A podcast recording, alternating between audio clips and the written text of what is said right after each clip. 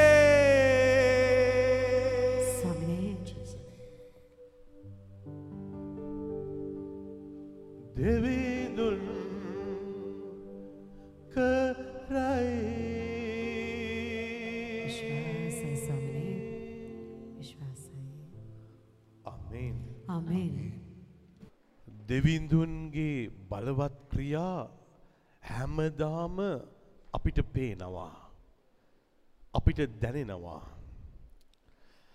එනිසා රත්‍රනම් මේ තාත්තිපුතේදුවේ තාමත් අපි ඇදහිලි වන්තයන් වශයෙන් ජීවත් වෙනවා. ඔය ප්‍රබල ක්‍රියාව අපට නොපෙනුනා නම් නොදැනුනා නම් මා හිතන්නේ හැ අද ක්‍රිස්සු භක්තිකයෝ කියල පිරිසක් ඉඳී කියලා. එත ක්‍රිස්සු අනුගාමිකයෝ කියල පිරිසක් ඉන්න එකක් නෑ. මේ ක්‍රිස්සු භක්තිකයා කියන ක්‍රිස්සු අනුගාමිකයා කියන කෙනා අදටත් තාමත් මේ විශ්වයති ඉන්නවා නම් ඒකට හේතුව මේ ස්වාමීන් වහන්සේ අපේ ජීවිත ඇතුලේ පරිවර්තනයක් කරමින් ඉන්නවා. අලුත් දෙයක් කරමින් ඉන්නවා හැම වෙලාවම. එනිසා මනුස්ස මට්ටම තුළ සමහර වෙලාවට අපිට විග්‍රහ කරගන්න බෑ. අපිට ඒක උකහා ගන්න බෑ. ඒක වටහා ගන්න බෑ. කොහොමද වෙන්නේ? ඇයි වෙන්නේ? කවුද කරන්නේ? කොයි වෙලාවටද වෙන්නේ කියන දේවල් සමහර වෙලාවට අපිට මනුස්ස මට්ටම තුළ අතහැරලා යනවා. හැබැයි දෙවියන් වහන්සේගේ කාර්තව්‍ය කිසිම තමක කිසිම වෙලාවක නතර කරලා නැහැ. ඉනිසා දැන් අපි උන්වහන්සේත් එක්ක මේ ජර්නී එක යනවද නැද්ද කියලා අපි තීන්දුවක් ගන්නට යනවා. මගේ මට පුළුවන් විදියට මං ආගම අදහන්නම් මම පුළුවන් විදියට ස්වාමින් වහන්සේත් එක්ක මේ ගමන යන්නම් කියලා කියන්න පුළුවන් පුළුවන් විදියට. හැබැයි ස්වාමින් වහන්සේට එහෙම දෙයක් නැහැ. පුළුවන් විදියට හරි බැරි විදියට කියලා දෙයක් නැහැ. මම අනිවාර්යෙන්ම ඔබේ ජීවිතය තුළ ලැබුම් අරගෙන මේ ගමන එනවාමයි. ඒක තමයි වෙනස. එතුවට දැන් අපි තීන්දු කරන විදියයි ස්වාමින් වහන්සේ තීන්දු කරන විදිය අතර වෙනසක් තියෙනවා. අපිට පුළුවන් විදියට අපි කරනවා හැබැයි ස්වාමින් වහන්සේ අනිවාර්යෙන් ඔබ තුළ මා තුළ ඉන්නවා මොකද ඔබේ මගේ ශරීරයේ අයිතිකරු. එපිසිවරුන්ගේ පොතේ පළවෙනි පරිච්ඡේදයේ පළවෙනි මේ හතරවෙනි වගන්තියේදලා පැහැදිලිවම කිව්වා ලෝකය මවන්නටත් ප්‍රථමයෙන් ඔබ ශුද්ධවත්ව නොකලැල්ව ප්‍රේමේ නුතුව සිටින පිණිස ක්‍රිස්තුස් වහන්සේ තුළ දෙවියන් වහන්සේ ඔබව මාව තෝරාපත් කරගෙන තියෙන. ඉතින් ඔබේ මගේ අම්මා හඳුන ගන්නටත් ඉස්සර ඔබේ මගේ තාත්තා හඳුන ගන්නටත් ඉස්සර මේ විශ්වයේ මිනිස්සු අපිව හඳුන ගන්නට ඉස්සර අපිව මිලියන 4500ක් තියාගත්ත කෙනෙක් ඉන්නවනේ. අපිව තියාගත්ත කෙනෙක් ඉන්නවා. එතකොට අපිව තියාගත්තේ කවුද? ක්‍රිස්තුස් වහන්සේ තියාගත්තා. උන්වහන්සේ තුල බද්ධ වෙලා හිටියා. උන්වහන්සේ තුල ජීවමාන වෙලා හිටියා. උන්වහන්සේගේ ආදරයට නතු වෙලා හිටියා. උන්වහන්සේගේ ප්‍රේමයට සතු වෙලා හිටියා. උන්වහන්සේගේ ආශිර්වාදය අපේ ජීවිතේ පුරාවටම තිබුණා. එතකොට මේ ජේස්වාමීන් වහන්සේ කියන්නේ අපිට අලුත් කෙනෙක් නෙමෙයි. උන්වහන්සේව අපි හොයාගෙන ගියත් නැති වුණත් උන්වහන්සේ අපි තුල අපි සමග අපි වෙතට උන්වහන්සේ එනවමයි. මොකද උන්වහන්සේ දන්නවා අවුරුදු ගානක් තිස්සේ තියාගෙන හිටපු රිලේෂන්ෂිප් එකක්. ආත්මික බැඳීමක්. එනිසා ඔබට මට ජේස්වාමීන් වහන්සේත් එක්ක තියෙන්නේ ශාරීරික බැඳීමක් නෙමෙයි. උන්වහන්සේත් එක්ක ඔබට මට තියෙන්නේ ආත්මික බැඳීමක්. එතකොට මේ චතාරික කාලේ මොකද වෙන්නට යන්නේ මේ ආත්මික බැඳීම තව තව තව තව තව තව වර්ධනය වෙන්නයි යන්නේ. ඒ නිසා තමයි දින 40ක් නේ මේ කාල පරිච්ඡේදයේදී ගොඩාක් මේ සම්වල පියතුමන්ලා උදේට දවල්ට රැට නිරන්තරයෙන්ම වන්දනාව සහ යාඥා මෙහෙවල් දිව්‍ය පූජාවන් පාද නමස්කාරයන් ඒ විදියට පුදුම විදියට පියතුමන්ලා සංවිධානය කරගෙන ඉන්නවා. ඇයි ඒ? අපි දන්නවා මේ ලෝකයේ ව්‍යසනය තුල ජීවත් වෙන්නේ ලෝකයේ ප්‍රශ්න තුල ජීවත් වෙන්නේ අද මේ දහස් සංඛ්‍යාදී ජනතාවක් ආවත් නේ මේ භූමියට ඔබට එන්න ලේසි නැහැ. ඩීසල් ටික නැති වෙනකොට පෙට්‍රල් ටික නැති වෙනකොට පොලිමේ ඉඳලා ඔබ නේ දවස් කීපයකට ඉස්සර මේ ඩීසල් ටික පෙට්‍රල් ටික ගහ ගන්නට ඕනේ. නේ නැත්තම් කාරිය ඔබ හයර් එකට ආවත් ඒගොල්ලන්ට ලේසි නැහැ. ලොකු වියදමක් ඔබ දැන් දරන්න ඕනේ. එතුන දැන් මෙච්චර දේවල් කරගෙන මොකටද එන්නේ කියලා ඇහුවොත් කාරිය ඔබ ආවා නෙමෙයි ඔබව ස්වාමින් වහන්සේ එක් කරගෙන එනවා. මොකද උන්වහන්සේට ඔබව අවශ්‍යයි. ඔබ හිතෙනවා මට ස්වාමින් වහන්සේව අවශ්‍යයි කියලා. හැබැයි ඊට වඩා ස්වාමින් වහන්සේ කියනවා I need you. මට ඔබ අවශ්‍යයි. ඒ නිසා රටනම් මේ තාත්තිපුතේ දුවේ ඔබව අවශ්‍ය නිසා ස්වාමින් වහන්සේ මොනතරම් ප්‍රශ්න බාධක කම්කටොළු තිබුණත් ඔබේ නම කියලා කතා කරලා ඔබ එන්න බැහැයි කෙනකොට උන්වහන්සේ උස්සගෙන ඇවිල්ලා තියෙනවා. ප්‍රශංසා වේවා. ප්‍රශංසා වේවා ප්‍රශංසා වේවා. ප්‍රශංසා වේවා ප්‍රශංසා වේවා. ප්‍රශංසා එතුළ දැන් ඇයි එක් කරගෙන ආවේ කැතකුණු හොයන්නද? ඔබේ අඩුපාඩුකම් මතු කරලා පෙන්වන්නද? ඔබට පහරක් ගහන්නද? ඔබේ නම කැත කරන්නද? ඔබව හෙලා දකින්නද? ඔබට තීන්දුවක් දෙන්නද කියලා ඇහුවොත් නැහැ. ඔබට විරුද්ධව තියෙන නඩු තීන්දුව අවලංගු කරලා දාන්න. ඔබට තියෙන බාධකය අතහැරලා දාන්න. තව සතියක් ජීවත් වෙන්න, තවත් දිනයක් ජීවත් වෙන්න උන්වහන්සේට ඕනේ ඔබව අභිෂේක කරන්න. එනිසා ස්වාමින් වහන්සේ අඬ ගහන්නේ හැම වෙලාවෙම අභිෂේක කරන්නමයි. ඒ නිසා මං පෞද්ගලිකව නේ කොමිසම් කරන්න ගියාම අත්දැක්ක අත්දැකීම ඒකයි. කොමිසමේදී නේ පව් ටික කියනවා ඇත්තයි.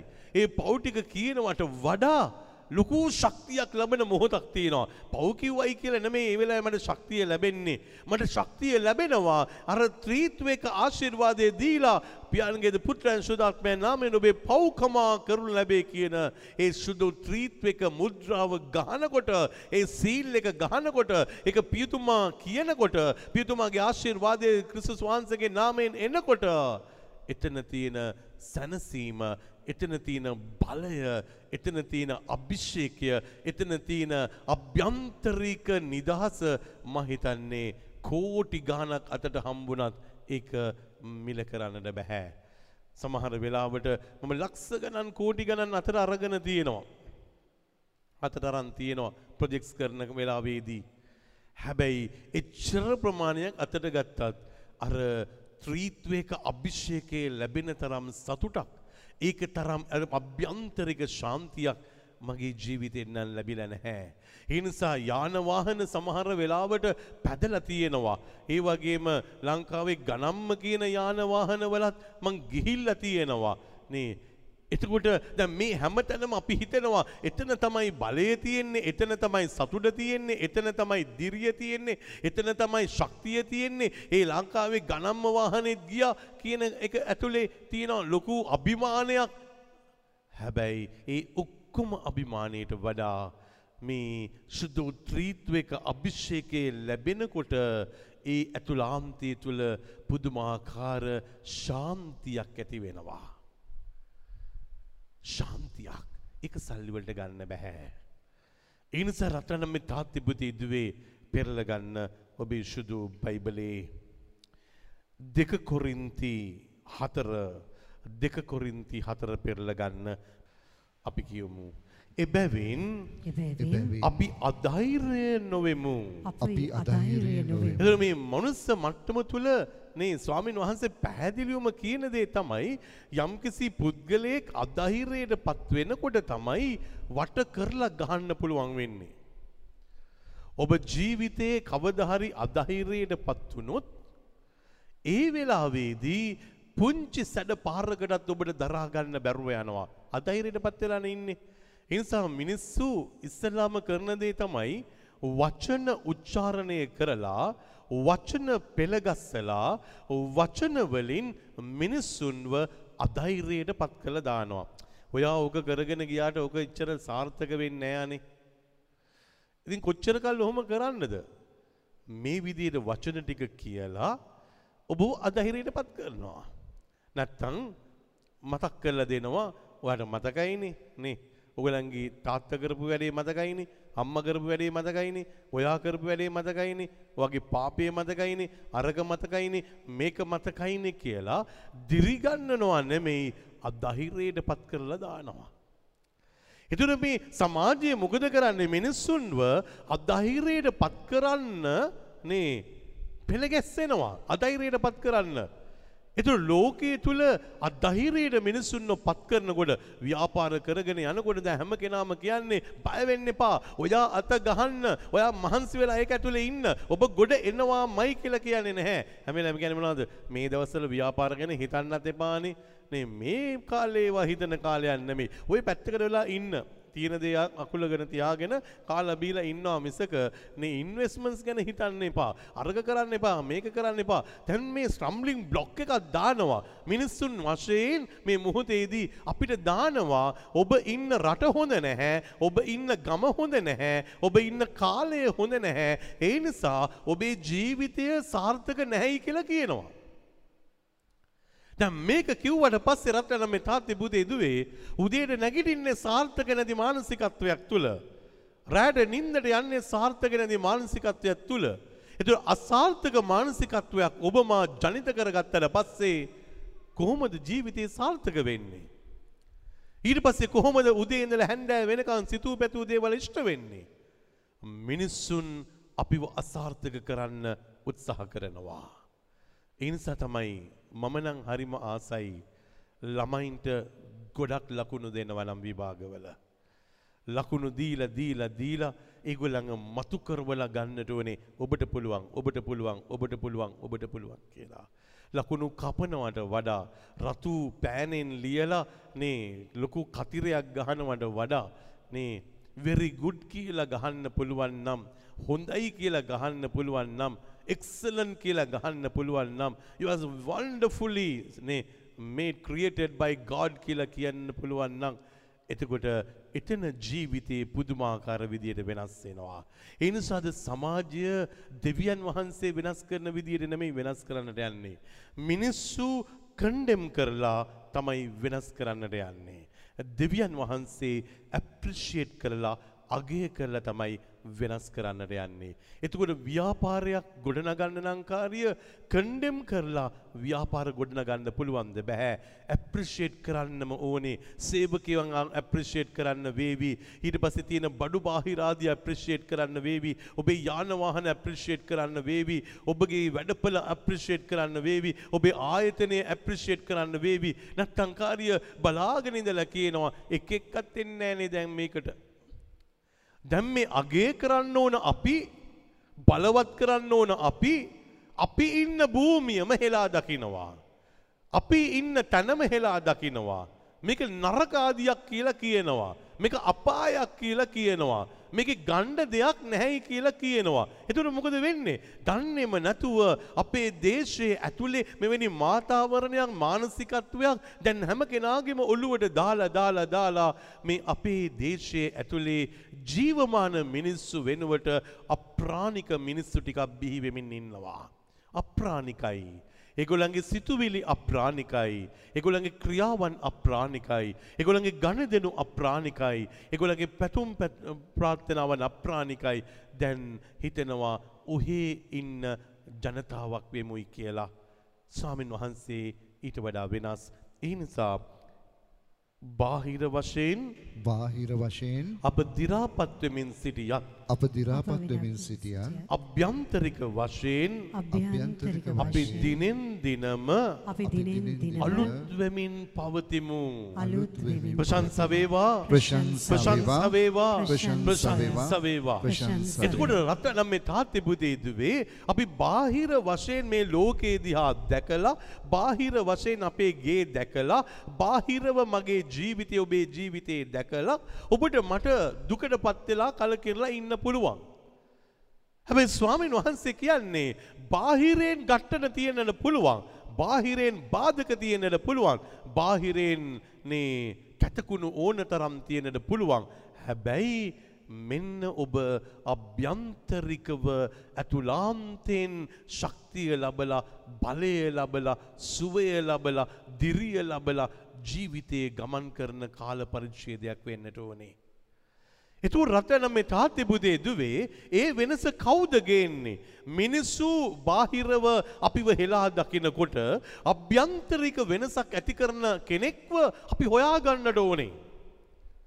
ඔබගේ ස්වාමි පුරුෂයාව ඔබට අවශ්‍ය වෙන්න ඒකටයි. මොකටද මුළු ලෝකයම කියන ඔබ හොඳ නෑ කියලා. හැබැයි ඔබේ ස්වාමි පුරුෂයා කියනවා ඩාලෙන් ඔබ තමයි මගේ ජීවිතයට ඉන්න හොඳම කෙනා. එතකොට මුළු ලෝකයම වැරදි කිව්වා. හස්බන්ඩ මුළු ලෝකෙම වැරදි කිව්වා. හැබැයි භාර්යාව කියනවා no problem. Let them tell anything that they want. ඒගොල්ලන්ට ඕන දෙයක් කියාගත්තු දෙන් අනේ ඔයා මට හොඳයි. ඔයා මට ගොඩක් වටිනවා. අර මහත්තයාට පණ පොවලා අර භාර්යාවට තියාගන්න පුළුවන් වෙනවා. නැත්තම් කාරේ මොකද වෙන්නේ? අර ලෝකයා කියනවා භාර්යාව හොඳ නැහැ කියලා. ස්වයං පුරුෂයා හොඳ නැහැ කියනවා. ලෝකයා කියන දෙයට වඩා ඔබ කියනවා ඊට පස්සේ එයා හොඳ නැහැ. එයා නරකයි. මගේ පුතා හොඳ නැහැ. මගේ දුව හොඳ නැහැ. අපේ ගේ හොඳ නැහැ. අපේ වත්ත හොඳ නැහැ. අපේ මුළු හතර හොඳ නැහැ. අපේ උළුවව්ව හොඳ නැහැ. බලන්න ගියාම කියන එකාට තවත් ටිකක් මේ මොහොතේදී පිදුරු දාලා නේ ඇවිලෙන්න දෙනවා ගාන්ට. එනිසා ඔබව කණ්ඩෙම් කරන අයව තමයි ඔබ හිතාගෙන ඉන්නේ හොඳ අය කියලා. ඔබව කණ්ඩෙම් කරන අය නෙමෙයි හොඳ වෙන්නේ. ඔබ අධෛර්යයට පත් කරන කෙනා නෙමෙයි හොඳ වෙන්නේ. බාහිර වශයෙන් ඒගොල්ලෝ ඔක්කොම එකතු වෙලා පහරක් ගහන්න පුළුවන්. හැබැයි අභ්‍යන්තරික බලයක් ඔබගේ ජීවිතේ මතුවන දාට අර බාහිරව ගහන්න හදන ඔක්කොම කඩාගෙන වැටෙනවා බිමට. ඒ නිසා ඔබ බය වෙන්න එපා බාහිරෙන් ගහනකොට. බාහිරෙන් ගහනකොට ඔබ පුළුවන් තරම් ඉක්මනට මොකද කරන්නට ඕනේ? උන්වහන්සේ තුල්ලට ගිහිල්ලා සන්නද්ධ වෙලා බලවන්ත වෙලා ඔබ ඉන්නට ඕනේ. වට කරනකොට ඒගොල්ලො තමයි කඩාගෙන වැටෙන්නේ. වට කරගන්නකොට ඒගොල්ලො තමයි ඊට පස්සේ බේද බින්න වෙන්නේ. වට කරනකොට ඒ ඒ අයට දරන්න බැරිව තරම් බලයක් ඔබ ගාව නිර්මාණය කරන්නට ඕනේ. අද අපි නේ මිනිස්සු වට කරලා බාහිරෙන් ගහන්න යනකොට අපි දුර්වල චරිත වෙලා. ඔබ ප්‍රබල චරිතයක් වෙන්නට ඕනේ. ඔබ ළඟ හිටගන්න බැරිතරම් බලයක් ඔබ නිර්මාණය කරන්නට ඕනේ. ඒ මහා තේජාන්විත භාවය, ඒ තේජස, ඒ භක්තිය, ඒ ආදරය, ඒ දේවිකත්වය ඔබේ ජීවිතේ මතු කරගත්තට පස්සේ කට අරින කෙනාට කට වැහෙනවා. අත උස්සන කෙනාගේ අත බිමට වැටෙනවා. නේ පිළියම් යොදන්න හදන අය බේද බින්න වෙලා සුණු විසුණු වෙලා වැටෙනවා. හිනිසා රත්‍රනම් මේ තාත්තිපුති දුවේ ඔබ අද මේ බාහිරේ තියෙන කතන්දරය තුළ ජීවත් වෙනවද අභ්‍යන්තරික බලයක් දෙන ස්වාමින් වහන්සේ තුළට ඔබ ඇතුල් වෙනවද. එනිසා චතාරිකේ තියෙන්නේ මේ මොහොතේදී බාහිරෙන් වට කරනකොට ඔබ රිංගන තැනක් තියෙන්නට ඕනේ. ඔබ රිංගන තැනක්. එනිසා රිංගන තැන තමයි ක්‍රිස්තුස් වහන්සේ. ඔබ රිංග ගන්නට ඕනේ ඉක්මනටම. You have to creep into Jesus. Creep into Jesus. එනිසා රට නම් මේ තාත්තේ බුදේ දුවේ ඔබ ස්වාමින් වහන්සේගේ කියන එක ඔබට දැනෙන්නට ඕනේ. I- my life belongs to God කියලා කියන්නට ඕනේ. My, belo- my life belongs to Jesus කියලා කියන්නට ඕනේ. මගේ ජීවිතේ අයිති මිනිස්සුන්ට නෙමෙයි මගේ ජීවිතේ අයිති ස්වාමින් වහන්සේට පුළුවන් නම් කියලා බලන්න. ඔබේ ජීවිතයට ප්‍රශ්න ලෙඩදු කරදර කම්කටලු බාධක හැලහැප්පීම් ඔක්කොම වට කරගෙන එනකොට ඔබව නේ වත්සන්නට වට්ටන්නට හදනකොට ඔබ පුළුවන් නම් කියලා බලන්න මගේ ජීවිතයේ අයිති ජේසුස් ස්වාමින් වහන්සේටයි කියලා කියලා බලන්න. මොකද වෙන්නේ? ඔබේ ජීවිතයේ අයිති ස්වාමින් වහන්සේට කියලා කියපු ගාම ඔබ ජේසුස් ස්වාමින් වහන්සේ තුල අභ්‍යන්තරික වෙනසකට ඇතුල් වෙනවා. ඒ නිසා බාහිර වෙනසක් ඔබේ නැතුව ඇති. ඒ කොණ්ඩෙමයි, ඒ රවුලමයි, ඒ බඩමයි, ඒ ඇඳුමමයි, ඒ ඇස්මමයි, ඒ නේ ඔක්කොම ඔබගේ එහෙමම තමයි. බාහිරෙන් එහෙමම තියේවි.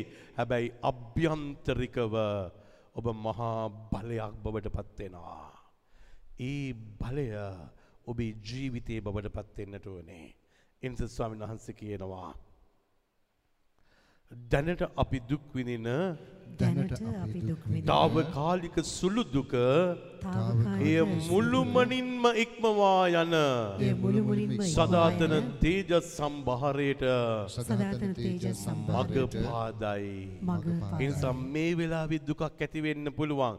මේ වෙලාවේ තනිකමක් ඇති වෙන්න පුළුවන්. මේ වෙලාවේ කොන් කිරීමක් ඇති වෙන්න පුළුවන්. මේ වෙලාවේ ප්ලෑන් කරලා ගහන්න පුළුවන්. මේ වෙලාවේ යම්කිසි බාධක ඔබට දාන්න පුළුවන්. ඔබ බැලූ බැල්මට ඔබ හිර වෙලා වගේ බැලූ බැල්මට ඔබ තනි වෙලා වගේ බැලූ බැල්මට ඔබ කොන් වෙලා වගේ බැලූ බැල්මට ඔබ අසරණයි වගේ බැලූ බැල්මට ඔබ පරාජිතයි වගේ බැලූ බැල්මට හැබැයි ටික වෙලාවක් යනකොට ඔබ ස්වාමින් වහන්සේගේ ජීවිතයට බද්ධ වෙනකොට ඔබ දන්නෙම නැතුව අර තාවකාලික දුක ඒ තාවකාලික වේදනාව ඒ තාවකාලික හැලහැප්පීම් ඒ තාවකාලික අසරණකම් ඔක්කෝම ඔබේ ජීවිතයෙන් ඈතින් ඈතින් ඈතට ගිහිල්ලා වැටෙන්න පටන් ගන්නවා.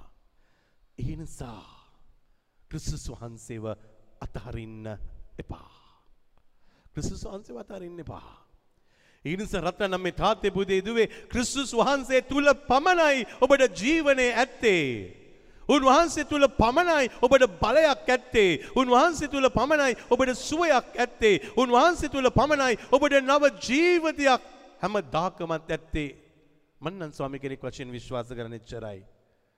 මට කවුරු හරි නේ නිකම් ප්‍රපෝස් කරොත් කාර්ය නේ මම විවාහ ජීවිතේ නරකයි කියනවා නෙමෙයි මට කවුරු හරි ප්‍රපෝස් කරොත් කාර්ය නිකමන කිව්වොත් කාර්ය ෆාදර් ඩැරල් මේ කතෝලික සභාවේ ආය නැවත ඉපදීමක් නැහනේ නේ නිකමන හරි කවුරු හරි කිව්වොත් කාර්ය ආයෙත් ඉපදුනොත්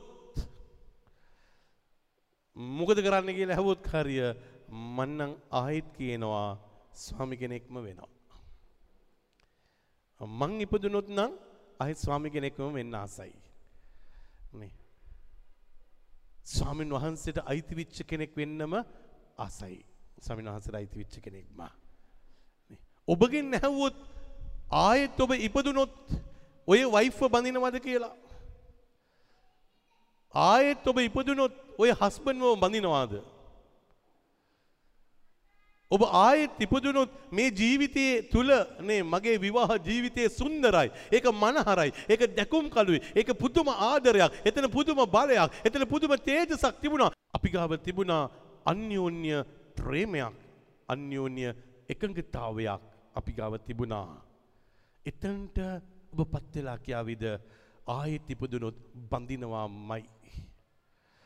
ආයෙත් ඉපදුනොත් මේ මහත්තයා මගේ කරගන්නවාමයි. ආයෙත් ඉපදුනොත් මේ නෝනව මගේ කරගන්නවාමයි. ආයෙත් ඉපදුනොත් මේ අම්මා තාත්තව මගේ කරගන්නවාමයි. ආයෙත් ඉපදුනොත් මේ පුතාව දුවව මගේම කරගන්නවා. එහෙම හිතයිද?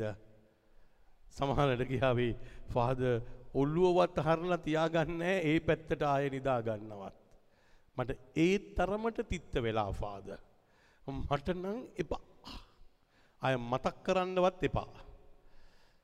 එතකොට රට නම් මේ තාත්තේ පුතේදුවේ එහෙම නම් ඔබ කවදා හරි කිව්වොත් මම මතක් කරන්නවත් එපා කියලා ඔබේ පවුල ඇතුළට ස්වාමීන් වහන්සේව ගෙනියන්න ඕනේ නැද්ද? උන්වහන්සේ එක්කරගෙන ගිහිල්ලා ඔබේ වයිෆ් ඇතුළට ගෙනියන්න ඕනේ නැද්ද? ඔබේ හස්බන්ඩ් ගාවට ගෙනියන්න ඕනේ නැද්ද? ඔබේ භාර්යාව ඔබගේ ළමයා ගාවට ගෙනියන්න ඕනේ නැද්ද? කොහෙදෝ තැනක මිස් වෙලා මහත්ය තුළ හිටපු ජේස්වාමින් වහන්සේව දකින්න බැරි වෙලා වයිෆ් තුළ හිටපු ජේස්වාමින් වහන්සේව දකින්න බැරි වෙලා දුව පුතා තුළ හිටපු ජේස්වාමින් වහන්සේව දකින්න බැරි වෙලා ඒගොල්ලෝ ඔක්කොම අපේ ගෙදරින් ගිහිල්ලා ජේසු එළියට ගිහිල්ලා මගේ මහත්යාගේ රුව විතරක් තියෙනවා භාර්යාවගේ රුව විතරක් තියෙනවා ඒ නිසා ළමයිගේ රුව විතරක් තියෙනවා බාහිර රුව තියෙනවා අභ්‍යන්තරික දේවිකත්වය අතහැරලා ගිහිල්ලා. හොයන්න ඕනේ නැද්ද? හොයන්න ඕනේ නැද්ද? ආයෙත් එහෙනම්. අපිට හෝම්වර්ක් එකක් නැද්ද? අපිට හෝම්වර්ක් එකක් තියෙනවා. මම හැමදාම කියනවා මෙහෙට ඇවිල්ලා යනවයි කියන එක ලේසි අම්මේ තාත්තේ පුතේ දුවේ. හැබැයි මේ ක්‍රිස්තුස් වහන්සේ කියන විදියට ජීවත් වෙන එක තමයි අමාරු. ඒක හරි අමාරුයි. ඇයි ඒ? එතකොට අපිට මොනිටර් කරලා බලන්න ඕනේ ජේසුස් ස්වාමීන් වහන්සේගේ අභිෂේකය මා තුළ තියෙනවද? ස්වාමීන් වහන්සේගේ බලය මා තුළ තියෙනවද? ස්වාමීන් වහන්සේගේ ආදරය මා තුළ තියෙනවද? ස්වාමීන් වහන්සේගේ සෙනෙහස මා ළඟ තියෙනවද? ස්වාමීන් වහන්සේගේ තේජාන්විත භාවය මා තුළ තියෙනවද කියලා හැම වෙලාවෙම හොයලා බලන්නට ඕනේ. එතකොට මොකද වෙන්නේ? හැම වෙලාවෙම මගේ එළියේ නෙමෙයි. දැන් අපි මොකද කරන්නේ? අර ගෑනු කෙනා කොයි වගේද? අර පිරිමි කෙනා කොයි වගේද? අර පවුල කොයි වගේද? මේ පවුල කොයි වගේද? ඒගොල්ලන්ගේ බිස්නස් එක කොයි වගේද? ඒගොල්ලන්ගේ ආදායම් මාර්ගය කොයි වගේද? නේ ඒගොල්ලන්ගේ වැඩ කටයුතු කොයි වගේද? ඒගොල්ලන්ගේ ෆ්‍රිජ් එක වැඩ කරනවද? ඒගොල්ලන්ගේ ටීවී එක වැඩ කරනවද? බලන්න ගියාම අපි උදේ ඉඳලා හැන්දෑ වෙනකන් නේ ඒගොල්ලන්ගේ දේවල් හොයලා ඔක්කොම හැබැයි අපේ දේවල් අතහැරිලා ඔබේ දේ ඔබ හොයපු දාට ඔබේ පවුල සන්නද්ධ කරපු දාට ඔබේ ව්‍යාපාරය ඔබ සන්නද්ධ කරපු දාට ඔබේ ටීවී එක ගැන ඔබ හිතපු දාට ඔබේ ජීවිතය ඇතුලේ ටීවී එකේ ස්වාමින් වහන්සේ ඉන්නවයි කියලා අත්දැක්ක දාට ඒ දාට ගොඩක් චැප්ටර් එක වෙනස්. ඇයි ඒ ඔබ හැම දෙයක් තුලම ස්වාමින් වහන්සේව ඉන්නවද කියලා බලා ගන්නවා. කුස්සිය ඇතුළට ගියාම උන්වහන්සේ ඉන්නවද කියලා බලා ගන්නවා. නේ නිදන කාමරයට ගියාම උන්වහන්සේ ඉන්නවද කියලා බලා ගන්නවා. ඇඳ ගාව බලපුවම ඇඳේ බලනවා උන්වහන්සේ ඉන්නවද? Where is my Jesus? Is he with me? උන්වහන්සේ මාත් එක්ක ඉන්නවද? ඒක නැත්නම් කාර්ය ටක් ගාලා මොකද කරන්න ඕනේ? ඔක්කොම වැඩ පැත්තක දැම්මා ආයෙත් ජේසුස් ස්වාමීන් වහන්සේට කියනවා ජේසුනි එන්නකෝ ජේසු ජේසු ජේසුනි ජේසුනි ජේසුනි ජේසුනි ජේසුනි. වඩින්න වඩින්න වඩින්න වඩින්න වඩින්න වඩින්න වඩින්න වඩින්න ස්වාමීනි. මා තුළට වැඩම කරන්න ස්වාමීනි මා තුළ ජීවත් වෙන්න ස්වාමීනි. මට ඕනේ වහන්සේගේ දෙනත වහන්සේගේ කටහඬ වහන්සේගේ දෙසවන් මගේ ජීවිතය වහන්සේගේ ජීවිතයට බද්ධ වෙලා තියෙන වඩින්න ස්වාමීනි වඩින්න ස්වාමීනි වඩින්න වඩින්න වඩින්න කියලා ඔබට දැනෙන තාක්කල් අඬ ගහ ගන්නට වෙනවා. දැනෙන තාක්කල් අඬ ගහ ගන්නට ඕනේ. අපි අඬ ගහ ගන්නවද? අපි යන්න ගහගන්නෑ. ඒටිස ස්වාමීන් වහන්සේ තුළ මෙහෙම සිදුවෙන්නට යනවා. කූඩාරමක් වැනි කූඩාරමක් වැනි අපේ බෞමික නිවාසේ කරා වැටුනත් අපගේ භෞමික නිවාසය කරා වැටුණත් දෙවියන් වහන්සේගෙන් වන දෙවියන් වහන්සේගෙන් වන අතින් නොතැන්නූ අතින් නොතැනූ සදාකාලික නිවාසයක් ස්වර්ගයෙහි අපට ඇති බව ස්වර්ගයේ අපට ඇති බව අපි දනිමු. අපි දනිමු. මෙහිදී අපි ස්වර්ගික නිවාසයේ අපි ස්වර්ගීය ආවරණය ලබා ගැනීමේ ආවරණය ලබා දැඩි ආශාවෙන් දැඩි ආශාවෙන් සුසුම්ලමු. සුසුම්ලමු. මේ ලබාගත් විට මේ ලබාගත් ලබාගත් අපි විට ආවරණය රහිතව නොසිටිමු. අපි අපි ආවරණය ආවරණය කූඩාරමක් වැනි ශරීරයෙහි. කූඩාරමක් වැනි සිටිනතුරු සිටිනතුරු අපි දුක් පරින් සුසුම්ලමු. අපි. අපගේ ආශාව නම් ආවරණය රහිතව සිටීම නොව ආවරණය රහිතව සිටීම මැරණ නොව සුළු දේ මැරෙන සුළු දේ ජීවනයට පරිවර්තනය වන පිණිස ජීවිතයට පරිවර්තනය වන පිණිස ආවරණය සහිතව සිටීමය. ආවරණ සහිතව සිටින ප්‍රශංසා වේවා ප්‍රශංසා වේවා ප්‍රශංසා වේවා. ප්‍රශංසා එතකොට ඔබට. මට ලොකු වගකීමක් ඇවිල්ලා දැන් මොකද වගකීම? ආවරණයක් නැහැයි කියලා දැනුනොත් අභිෂේකයේ නැහැයි කියලා දැනුනොත් ශුද්ධාත්මයන් වහන්සේ නැහැයි කියලා දැනුනොත් දෙවියන් වහන්සේගේ ආශිර්වාද නැහැයි කියලා දැනුනොත් ඒ වෙලාවේ ඉක්මනටම ආයෙත් උන්වහන්සේගේ ආවරණය ඉල්ල ගන්නට ඕනේ. එතකොට රටනම් මේ තාත්ති පුතේ දුවේ හැන්දෑවේ ඉඳලා නේ රෑ වෙනකනුත් උදේ ඉඳලා හැන්දෑ වෙනකනුත් ඔබට මට හොයලා බලන්න දෙයක් තියෙනවා මොනවද තියෙන්නේ ඕනේ ඇනොයින්ටිං එක මා ළඟ තියෙනවද? මං කතා කරනකොට ඒ ඇනොයින්ටිං එක තියෙනවද? මම ඩබල් මීනින් කියන්න පුළුවන්ද? මට වල්ග ජෝක්ස් දාන්න පුළුවන්ද? නේ. එතකොට මට පුළුවන්ද අනිත් කෙනාව හෙලා දකින්න? නම කැත කරන්න පුළුවන්ද? බොරු කියන්න පුළුවන්ද? වංචාවක් කරන්න පුළුවන්ද? ගරහලා දාන්න පුළුවන්ද? ජඩයා කියන්න පුළුවන්ද? මෝඩයා කියන්න පුළුවන්ද? බූරුවා කියලා කියන්න පුළුවන්ද? අපිට බෑනේ එතුළ කවද හරි ඔබ නේ චරිත ඝාතනය කළ දානකොට අනිත් ජීවිතවලට හෙලා දකිනකොට ඔබ දැනගන්න ඕනේ එක දෙයක් තියෙනවා. නේ වයි හදිසි ඇවිල්ලා කිව්වා නම් හරි ඔයා දන්නේ නැහනේ ඒ ගෑණිගේ හැටි ඔයා දන්නේ නැහනේ හරි දරා ගෑණියෙක් කියලා කියපු ගාම හස්බන්ඩ් දැනගන්නට ඕනේ මගේ වයිෆ් කි සුද්ධාත්මය කොහෙද ගිහිල්ලා? නේ එහෙම ගියයිද මහත්තයා ගියයිද සුදු නෝනේ ඔයාගේ සුද්ධාත්මය කොහෙද ගිහිල්ලා වගේ නේ. අහේ ඕන් නැද්ද යාව ඉල්ල ගන්නකො පොඩ්ඩක් එහෙම ගියයිද ඇත්ත දනේ ඔව් ඔව් මාත් දැනගත්තා ඒකිට නම් හරියන්නේ නැහැ අර මහත්යත් එකතු වෙලා අන්තිමට දෙන්නටම එතකොට වයිෆ්ගේ විතරයි මේ මොහොතේ අනොයින්ටිගේ අඩු වෙලා තිබුණේ. ඒ දුර්වල වෙලා හිටපු භාර්යාව ස්වාමි පුරුෂයාට විස පෙව්වා විතරයි. ස්වාමි පුරුෂයාගේ ඊට පස්සේ අනොයින්ටින් ඉවරයි. අන්තිමට ළමයිත් එක්කත් සාකච්ඡාව. අන්තිමට මොකද වෙන්නේ? මුළු පවුල්ලෙම අනොයින්ටින් එක ඉවරයි. ඒ නිසා රත්නම් මේ තාත්තේ පුතේ දුවේ. ඔබට කවුරු හරි නෙගටිවිටිස් කතා කරනකොට ඉස්සලම බලන්න ඔබගේ ආලේපය අඩු කරන්නද යන්නේ? ඔබේ අභිෂේකය අඩු කරන්නද යන්නේ? ඔබව හීන කරන්නද යන්නේ? ඔබව දුර්වල කරන්නද යන්නේ? ඔබේ ආවරණය අයින් කරලා දාන්නද යන්නේ කියලා බලන්න. ආවරණය අයින් කරන්න දෙන්න එපා. ඔබේ ඇනයින්ටිං එක අඩු කරන්න දෙන්න එපා. ඔබේ අභිෂේකය අඩු කරන්න දෙන්න එපා. මොකද මා කිව්වා ඔබ අභ්‍යන්තරිකව බලවන්ත වෙනකොට ඔබ ඉදිරියේ සිටින අය හෙල්ලි හෙල්ලි වැටෙනවාමයි. මොකද ඔබ අභිෂේකයට ලක් පුද්ගලයෙක්. ඔබ ආලේපයට ලක් පුද්ගල- පුද්ගලයෙක්. ඔබ ස්වාමින් වහන්සේක කෙනෙක්. ඔබ ස්වාමින් වහන්සේ තුළ ජීවත් වෙන කෙනෙකුට අත තිබ්බොත් කඩාගෙන වැටෙනවාමයි. ඒ නිසා ඔබේ අභිෂේකය අඩු කරගන්න එපා. අපි බොරුවට හූනියන් ගැන බයයි. අපි කොඩිවින ගැන බයයි. අපි ජප කරනවට බයයි. අපි නූල් පන්නනේවලට බයයි. ඔය කිසිම දේකට ඔබ සොලවන්න බැහැ ඔබ ක්‍රිස්තුස් වහන්සේ තුළ නම්. ඔබ ක්‍රිස්තුස් වහන්සේ තුළ නැත්තම් බය වෙන්න. එතුවට මේ ජීවිතය කියන මේ ආවරණය හීන කරන්න දෙන්න එපා කිසිම කෙනෙකුට. එදුර ස්වාමින් වහන්සේ මෙහෙම කියනවා. එබැවින් එබැවින් අපි සම විටම අපි සමග ධෛර්යෙන් ධෛර්යයෙන් සිටිමු. සිටිමු. ශරීරයේ නැමැති නිවාසයෙහි ශරීරයේ නැමැති ව්‍යාසයේ සිටිනතුරු සිටිනතුරු අපි ස්වාමින් වහන්සේගෙන් අපි ස්වාමීන් ඈත්ව සිටින බව දනිමු. ඈත්ව සිටින බව අප. ජීවත් වනුයේ අප ජීවත් වනුයේ දැකීමෙන් නොව දැකීමෙන් නොව ඇදැහීමෙන්ය. ඇදහීමෙන්ය. ඉනිස රටනම් මේ තාත්තිබුදේදුවේ ඔබේ මගේ ජීවිතය නේ ස්වාමින් වහන්සේ තුළ පැහැදිලිව අයිති කරගන්නට ඕන දෙයක් තියෙනවා. ඒ අයිති කරගන්න ඕන දේ තමයි ස්වාමින් වහන්සේ පැහැදිලිවම කියනවා ඔබ දකින්නකොට ගන්න තීන්දු පරිස්සම් වෙන්න. ඔබ දකින්නකොට සමහර වෙලාවට ඔබගේ ඇස්සලට ඔබට අවශ්‍ය කරන විදියට නේ දේවල් පෙනෙන්නට පුළුවන්. හිතන විදියට පේන්න පුළුවන් ඔබේ ජීවිතය ඇතුළේ.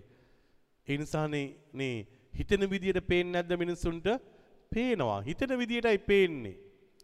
දැන් මෙතන ඉන්න නේ කවුරු හරි ඇවිල්ලා මාත් එක්ක කතා කර කර ඉන්නවා නම් එහා පැත්තට වෙලා එයාට හිතෙනවා නම් කාර්ය නේ ෆාදර් එයාව බදාගෙනයි දැන් නම් ඉන්නේ කියලා ඇතුලේ. මොනවද එයාට පේන්නේ යන්නේ? බදාගෙන ඉන්නවා වගේ පේනවා. ඊට පස්සේ ඇතුළට එනකොට බදාගෙන නැහැ. හැබැයි එළියට ඇවිල්ලා කියනවා මම ඇතුළට යන්නකොට ෆාද බදාගෙන හිටියනේ. ඒක තමයි වෙනස. බාහිරෙන් ඔබ දකින්න පුළුවන් ඕන තරම්. හැබැයි ඔබේ ජීවිතයට වැදගත් වෙන්නේ ඇදහීමෙන් ඔබ දන්නවද. ඔබට අදහන්න පුළුවන් දෙක එක ඇත්තක්ද. එක අහන්න එතුවට ස්වාමීන් වහන්සේ පැහැදිලිවම කියන මොනවද කියන්නේ. අපි අදහිරයෙන් සිටින බව නැවත කියමු. ශරීරයේ නැමති නිවාසයේ ඈත්වී සිටින ස්වාමින් වහන්සේ තුළ විසීමට අපි වඩාත් කැමතිවෙමු. එනිසා ඔබ කවදාහරි හිතුවනම් කාර්ය ඔබ ස්වාමින් වහන්සේගෙන් ඈත් වෙලා කියලා මෙන්න මේ චතාරික කාලී ආයිත් උන්වහන්සේ තුළට එන්න. උන්වහන්සේ තුළට එන්න. උන්වහන්සේ තුළ සන්නද්ධ වෙලා බලන්න. එතකොට ඉදිරිවාදීන්ත එක්ක ඔබ හැප්පෙන්න යන්න එපා. ඔබට කවුරු හරි චෝදනා කරනවා නම් ඔබ හැප්පෙන්න යන්න එපා. ඔබ අසාර්ථක මිනිස්සෙක් කරන්න හදනකොට ඔබ හැප්පෙන්න යන්න එපා. ඔබට චෝදනා කරලා ඔබේ මානසික මොරල් එක වටන්න හදනකොට ඔබ අධෛර්යයට පත් වෙන්න එපා. මොකද ඔබ මොකටද අධෛර්යයට පත් වෙන්නේ? ඔබ තව තව ස්වාමින් වහන්සේගේ වෙන්න. එතකොට ස්වාමින් වහන්සේ මොනවද කියන්නේ? ඒ නිසා අපි එහි වේවා අපි එහි වේවා. මෙහි වේවා. කොහි නිවාසයේ සිටියත් ස්වාමින් වහන්සේ ප්‍රසන්න කිරීමට වඩාත් ආශාවෙමු වඩාත් ආශාව. ප්‍රශංසා වේවා. ප්‍රශංසා ප්‍රශංසා වේවා. ප්‍රශංසා වේවා. ප්‍රශංසා වේවා. ප්‍රශංසා ඒ සබ මැරෙන්නේ නැතිව හිටියත් මැරුණත් ඔබගේ ශරීරය තුල ස්වාමින් වහන්සේව ජීවමානව කරගන්නට ඕනේ ඒ නිසා මේ චතාරිකයේදී ඉල්ලගන්න උන්වහන්සේට කියන්න මොනවද කියන්න ඕනේ here I am ඔබ වහන්සේ මාත්‍රයට වැඩම කරන්න ජේසු ජේසු කියා හඬ ගසන්න යනවා. උන්වහන්සේට හඬ ගහන්නට යනවා. ජේසුනිය වහන්සේ මා තුළට එන්න. මම එන්නම් ඔබ වහන්සේ පසුපස්සේ හැමදාම. ඒ ගීතිකාව මට ලියවුණේ තේවත්තේ දහම් පාසල් ගුරුවරුන්ට නේ ප්‍රෝග්‍රෑම්යක් කරනකොට ඉබේටම එනවා ජේසු ජේසු ජේසු කියා හඬ ගැසුවේ ඔබවයි ජේසු. හඬ ගැසුවේ ඔබවයි ජේසු. මෙලඩී කත්තාවා වචනත්තාවා එන්නම් එන්නම් ජේසු සමිදුනේ. ඔබ පසු පස්සේ මා එන්නම්. බාරගන්නමා. ජේසු සමිදුනේ බාරගන්නමා. ජේසු සමිදුනේ. හැමදාම පුළුවන්ද කියන්න ඕක? එන්නම් එන්නම් ජේසු සමිදුනි ඔබ වහන්සේ පසුපස්සේ එන්නම්. මං ඉක්මනටම ටක් ගාලා මගේ මොනිටර් එක ඔන් කරලා බලන්නම්. ඔබ වහන්සේ මා තුල ජීවමානයිද? මා තුල ජීවමාන නැද්ද? මගේ වචනය තුල ඉන්නවද? වචනය තුල නැද්ද? මගේ ක්‍රියාව තුල ඉන්නවද? මගේ ක්‍රියාව තුල නැද්ද? මගේ හැසිරීම තුල ඉන්නවද? නැද්ද? ඔබ වහන්සේ නැත්නම් ස්වාමිනී මම ඔබ වහන්සේව අඬ ගහ ගන්නවා. මම ඔබ වහන්සේ පසුපස්සෙම එනවා එන නැගිටින්න. අභ්‍යන්තරික වශයෙන් උන්වහන්සේ නවෝදයකට ගෙනියන්න යන ගැහ්වේ. බාහිරෙන් ඔබව සොලවන අයත් ඕන තරං ඇති බාහිරෙන්. බාහිරෙන් සොලවන අයට ඔබ උත්තර බඳින්න යන්න එපා. බාහිරෙන් සොලවන අය මේ මොහොත වෙනකොටත් වැටිලා මේ මොහොත වෙනකොටත් තුවාල වෙලා මේ මොහොත වෙනකොටත් කලකිරිලා මේ මොහොත වෙනකොටත් මානසික බින්දුවට වැටල ඇති මානසික තත්ත්වයෙන් ඔබ වට්ටන්න යන්න ඕන්නේ ඔබ ගහන්න යන්න ඕනේ නැහැ. ඔබ ආගිව් කරන්න යන්න ඕනේ නැහැ. ඔබ මේ මොහොතේදී ප්‍රිකෝෂන්ස් ගන්න ඕනේ නැහැ. ඒකට අවශ්‍ය කරන ආරක්ෂාවල් දා ගන්න ඕනේ නැහැ. ඔබට තියෙන එකම දේ ස්වාමින් වහන්සේ තුල ඔබ ජීවත් වෙන්න පුරුදු වෙන්න. ඔබ ස්වාමින් වහන්සේ තුල ජීවත් වෙනකොට අභ්‍යන්තරීක නවෝදයක් ඔබේ ජීවිතය ඇතුළට එන්නට යනවා. එදාට ඔබ සිතන පතන දේවල් ඔක්කොම හරියනවා. ඇයි ඒ අභ්‍යන්තරිකව ඔබ තුළ දේවිකත්වයක් තියෙනවා. අභ්‍යන්තරිකව ඔබ තුළ දේව ස්වභාවයක් තියෙනවා. එදාට ඔබ අතදික් කළ යාඥා කරදි මිනිස්සු නැගිටිනවා. එදාට ඔබ කතා කරනකොට මිනිස්සු අවදි වෙනවා. එදාට ඔබ අඩිය තියෙන තැන ප්‍රාතිහාර සිදු වෙනවා. මොකද ඔබේ ශරීරයේ ඇතුලේ ක්‍රිස්තුස් වහන්සේ ජීවමාන වෙලා ඔබගේ හදවත ඇතුලේ ස්වාමීන් වහන්සේ ජීවමාන වෙලා ඔබගේ ජීවිතයේ ඇතුලේ මහා ප්‍රාතිහාරාත්මක දෙවිඳුන් ජීවමාන වෙලා. ඔබ කැමති මොනවටද? බාහිරෙන් ඔබත් එක්ක ඉන්න මිනිස්සුන් වටේ තියාගන්නද? නැත්නම් අභ්‍යන්තරිකව ඔබව ශක්තිමත් කරන ස්වාමීන් වහන්සේව ඔබ තුලට ගෙන්න ගන්නද මට කවුරු හරි කිව්වොත් මං ආසයි ඔයා තුලට එන්න කියලා මං කියාවි ඔයා මා තුලට එන්න එපා දැන් ඔයා මා සමග ඉන්න මා තුළ ස්වාමින් වහන්සේ ඉන්නට ඕනේ දැන්. මා තුළ ඉන්නට ඕනේ. අපි යහළුව වශයෙන් ගොඩක් අයව අපේ තුළට ගන්නවා. තුළට ගත්තට පස් ඒගොලන්ට ඕන ඕන දේවල් අපේ ඔළුවට දානවා. දාල ඉවර වෙලා අපිව නැති කරලා ඒගොල්ලෝ එගොලන්ට ඕන කරන කින්ඩම් එක හදන්න හදනවා. එනිසා තමයි ඔබ ට්‍රිප් යනවා ඔබ සාද පවත්වෙනවා ඔබ ගමන් බිමන් යනවා අන්තිමට ඔක්කෝගෙම බ්‍රයින් වශ් වෙනවා. එක්කෙනෙක්ගේ පාපය යා ලස්සන්ට පතුරවලා ඔබ හැම කෙනෙක්වම දුර්වල චරිතයක් කළ දානවා. ඔබ කියාවිද කරුණා කරලා ඔයා මෙතනින් එලියට යන්න අපිව දුර්වල කරන්නේ නැතුව කියලා එහෙම කියන්නේ. දුර්වල කරන කෙනාව ඔබට විසබීජ දාන කෙනාව ඔබට බාහිර වශයෙන් ඔබව හෙලා දකින කෙනාව ඔබව විනාශ කරන්න යන කෙනාව ඔබගේ අභ්‍යන්තරික නවෝදය ඔබගේ නැති කරලා දාන කෙනාව අපි තියාගෙන කේට කරනවා. ස්වාමීන් වහන්සේ ඔබට හඬ ගහනවා. ඔබ කැමති දුන් වහන්සේ හඬ ගහන්න. ජේසුනි එන්න මා තුළට. මං ගොඩක් අය වඬ ගහගත්තා. හැබැයි අඬ ගහගත් අය මේ මුහොතේදී මාව ජීවත් කරවන්නේ නැහැ. ඔබට අද හොඳයි කියන කෙනාම හෙට දවසේ ඔබට පෙත්සම් ගහනවා. ඔබේ පවුල ඇතුළට රිංග ගත්ත කෙනාම එයා විනාශ කරලා දානවා. ඔබේ ව්‍යාපාරයට ඇතුල් වෙච්ච කෙනාම ඔබව හෙලා දකිනවා. ඔබේ අඩුපාඩු ඔක්කොම තැනින් තැන කියනවා. ඔබ අසරණ චරිතයක් කරනවා. ඔබව බේද බින්න කරලා දානවා. එතන අසමගිය පතුරලා දානවා. එතන මහා ව්‍යසනයක් ඇති කරලා දානවා. ස්වාමීන් වහන්සේ තුලට ඔබ ගියාට පස්සේ එතන ආය ඔබ දෙවියන් වහන්සේ තුල ප්‍රබල චරිතයක් වෙනවා. එනම් බය වෙන්න එපා. සමාජයට බය වෙන්න එපා. සෝෂල් මිරයකට බය වෙන්න එපා. සමාජයට බයවලුත් ඔබට ස්වාමීන් වහන්සේ තුළ ගමනක් යන්න බෑ. Let them tell anything that they want. නමුත් ඔබ ජේසුට අයිති වෙලා ඉන්න. ඔබ ජේසුට අයිති වෙලා ඉන්න. ඔබ උන්වහන්සේ තුළට යන්න. එනම් අත් දෙක වැඳ ගන්න. මතක් කළ බලන්න.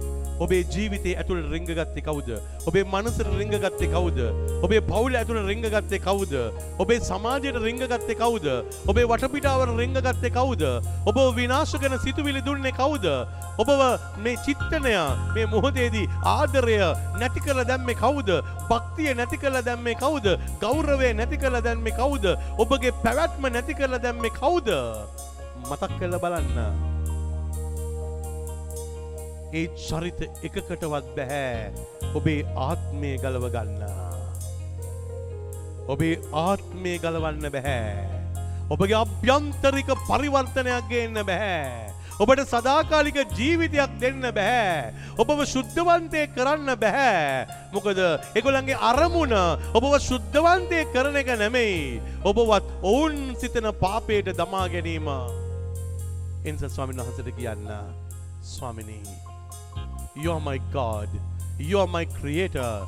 You are my almighty Father. I feel your presence. I feel your anointing. And don't allow anybody to do. Take that anointing from my life. මගේ ජීවිතයෙන් ඒ අභිෂේකය ගන්න දෙන්න එපා ස්වාමිනී. කිසිම කෙනෙකුට ඒ අභිෂේකය ගන්න එපා දෙන්න එපා. එහෙනම් මේ මුහදේදී අත් දෙක වැඳගෙන අඩගහන්න උන්වහන්සේට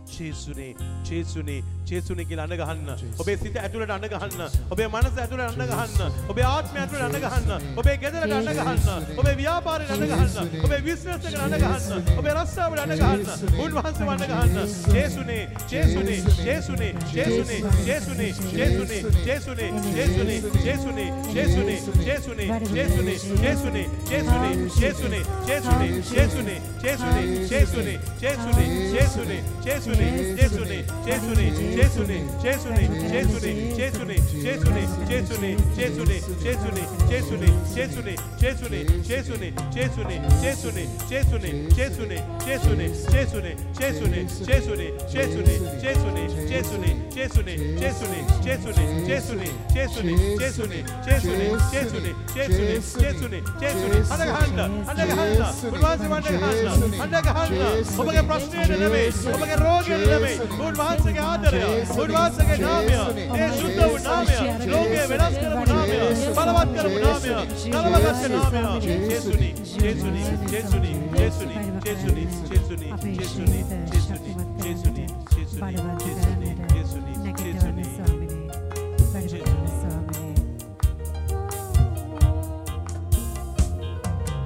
ජේසු ජේසු ජේසු ಅನ್ನಗೆಸುವೆ ಒಬ್ಬವೈಸು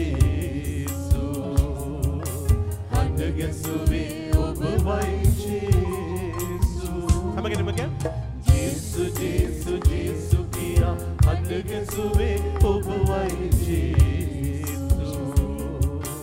ಅನ್ನಗೆಸುವೆ ಒಬ್ಬವೈಸು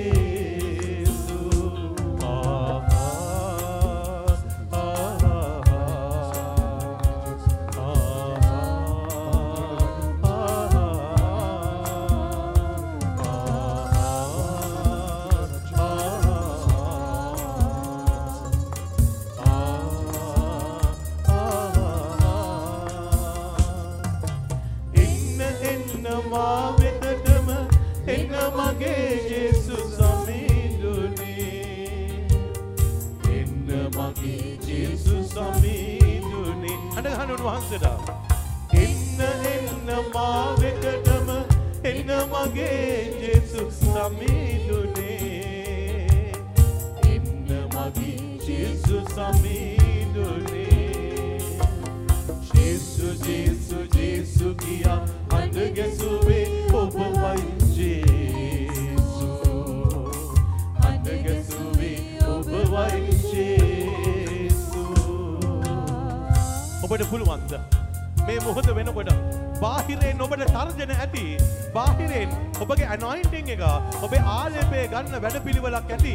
හැබැයි ඔබ ස්වාමින් වහන්සේගේ වෙන්නට යනවා උන්වහන්සේ තුළට යන්නට යනවා උන්වහන්සේගේ ආදරයට නතු වෙන්නට යනවා උන්වහන්සේගේ ආදරයට බද්ධ වෙන්නට යනවා. ඒ මොහොත ඒ සුද්ධ වූ මොහොතේ ඔබ ඇතුල් වෙන්නට යන්නේ. ඔබ කියනවා ස්වාමින් වහන්සේට මම ඔබ වහන්සේ වෙතට එනවා. ඔබ වහන්සේ තුළට එනවා. ඔබ වහන්සේ සමග ජීවත් වෙන්න එනවා. ඒ නිසා ජුවල් ස්වාමිනේ මම බාර ගන්න. අපේ අත් දෙක දිගහැරලා කියමු එන්නම් එන්නම් ජේසු සමිඳුනේ. ඔබ පසු පස්සේ මා එන්නම්.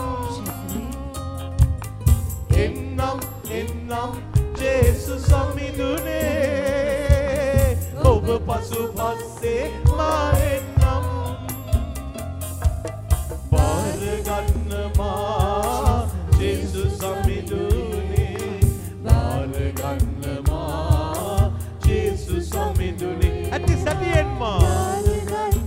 ඔබ බාරගන්නට යනවා ඔබේ දුර්වලකමත් එක්ක ඔබේ අඩු පාඩුවත් එක්ක ඔබේ රෝගී තත්ත්වයත් එක්ක ඔබේ පාපයත් එක්ක ඔබේ අසරණකමත් එක්ක ඔබේ ඍණාත්මක භාවයත් එක්ක උන්වහන්සේ බාර ගන්නට යනවා උන්වහන්සේ ඔබව බාර අරගෙන ඒ අභ්‍යන්තරික වෙනස උන්වහන්සේ කරන්නට යනවා ඒ වෙනස කරනවා. ඔබ වලුත් කරනවා. ඔබ බලවත් කරනවා. ඔබ ආශිර්වාද කරනවා. ඔබ ආරක්ෂා කරන්නට යනවා ඒ නිසා බාර ගන්න කියලා කියන්න බාරගන්නවා ජෙසු සමිඳුනේ බාරගන්නවා ජෙසු සමිඳුනේ එන්නම් එන්නම් ජෙසු සමිඳුනේ ඔබ පසු පස්සේමා එන්නම් ඕ එන්නම් එන්නම් ජෙසු සමිඳුනේ ඔබ පසු පස්සේමා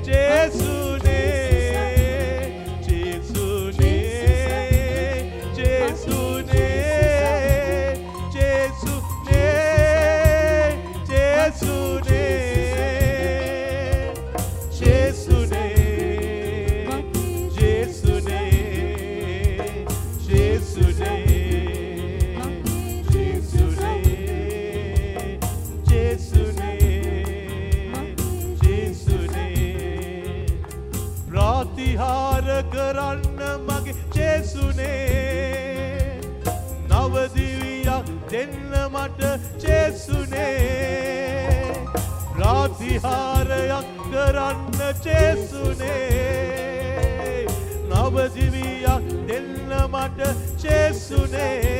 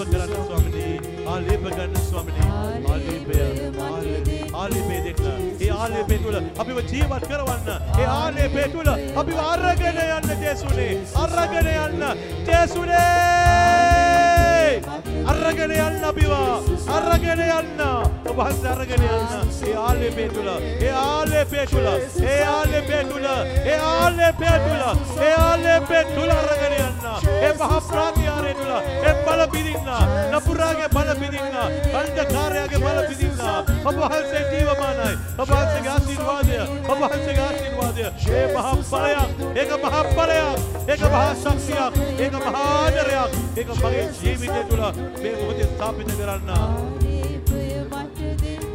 ජේසුනේ Jesus, Jesus.